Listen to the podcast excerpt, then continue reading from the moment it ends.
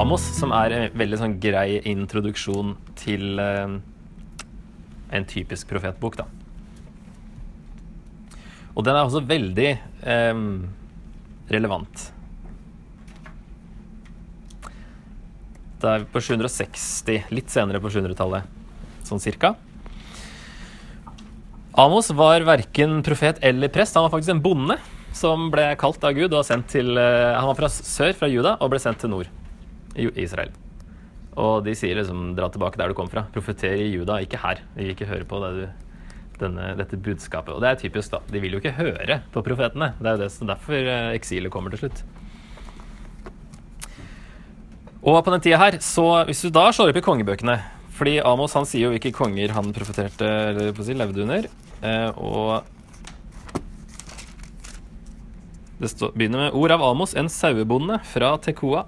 Det han så om Israel i de dager da Ussia var konge i Juda, og Jereboam, sønnen av Joash, var konge i Israel, to år før jordskjelvet. Det jordskjelvet vet vi ikke så mye om, bortsett fra at det skjedde. Men ca. 760 pleier man å Ut fra kongene, i hvert fall, så må det være på 700-tallet et sted. Og de to kongene som nevnes, er de to som eh, regjerte lengst i nord og sør. Og det tyder på at det var gode tider, og at det var en politisk og økonomisk gullalder. Og det henger også sammen med det den gangen Jonah nevnes i kongebøkene, så er det fordi han eh, sier at eh, kong Jereboam han kommer til å vinne tilbake noen, noen landområder de hadde eid tidligere.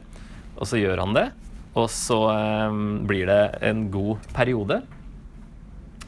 Og de tenker at det betyr at Gud er med oss, og den velsignelsen her, det er, eh, det er fordi Gud er med oss. eh, Fordi vi, nå har vi det bra. Men så er Gud absolutt ikke fornøyd med det. Eh, begynner i neste verset. Herren sa Eller han sa 'Herren brøler fra Sion'.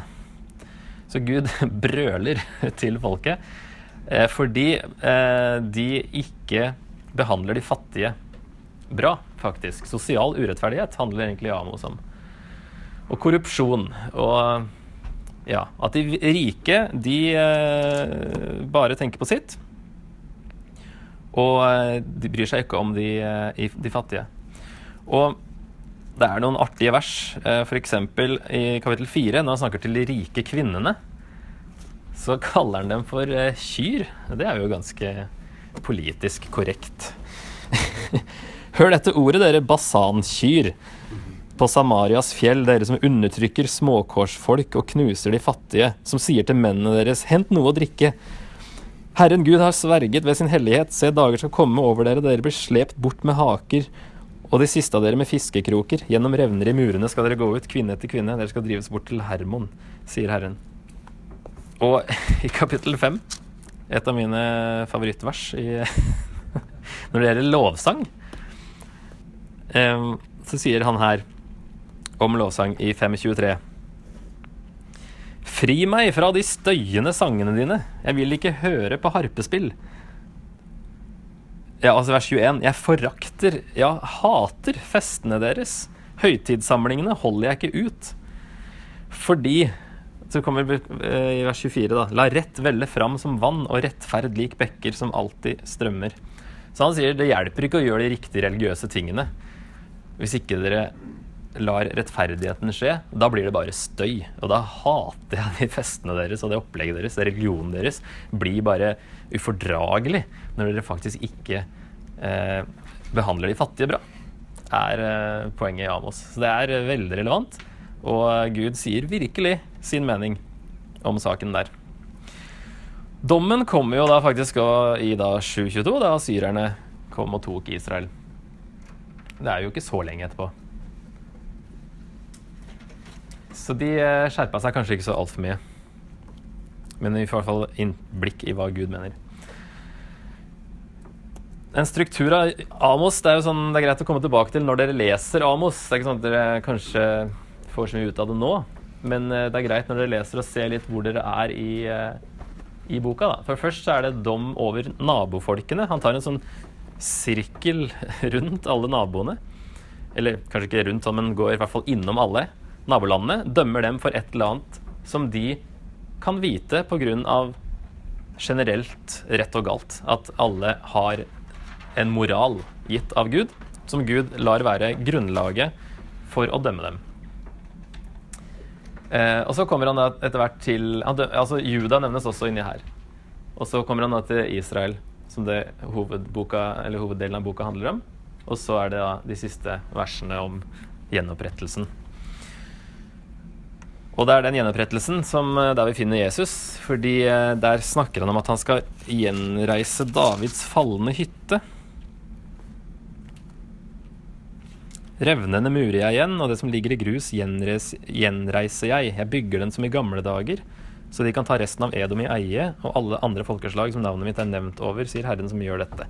Og Det høres så ekstremt juridisk og militært ut når du leser det i Amos, men når de tolker det i Apostelens gjerninger 15, på kirkemøtet, første kirkemøtet de hadde, så er det Jakob som eh, De snakker jo om hedningene. Hva skal vi gjøre med hedningene som blir frelst? Eh, skal de bli jøder først? Omskjæres, holde Moseloven? Sånn at de så liksom kan bli kristne. Så eh, er det her et av argumentene. Først, altså både Peter og Paulus forteller om sin erfaring om at nei, det ser ikke ut som at Gud vil det, for de får jo Guds ånd uten å bli jøder, osv. Eh, og Paulus er planta menigheter, og det er liksom det her, vi trenger ikke å gjøre dem til jøder først. Og så kommer Jakob til slutt, som da er leder i menigheten i Jerusalem, og siterer Amos og sier det her stemmer jo med profetene. Han trekker inn et par andre profeter òg i det sitatet, men spesielt Amos 9 her. Eh, der han tolker det som eh, hedningenes inkludering i evangeliet, egentlig. Selv om når vi leser det her, så høres det ut som at eh, noe fysisk skal skje i Jerusalem. Eller faktisk Han er jo egentlig profet til Nordriket, så når vi snakker om Davids falne hytte, så må det være noe som hele landet inkluderes i. da. Men så er det i Nytestamentet tolka som en åndelig oppfyllelse. Eh, en messiansk oppfyllelse. Så det er veldig nyttig å se på hvordan Nytestamentet tolker profetier.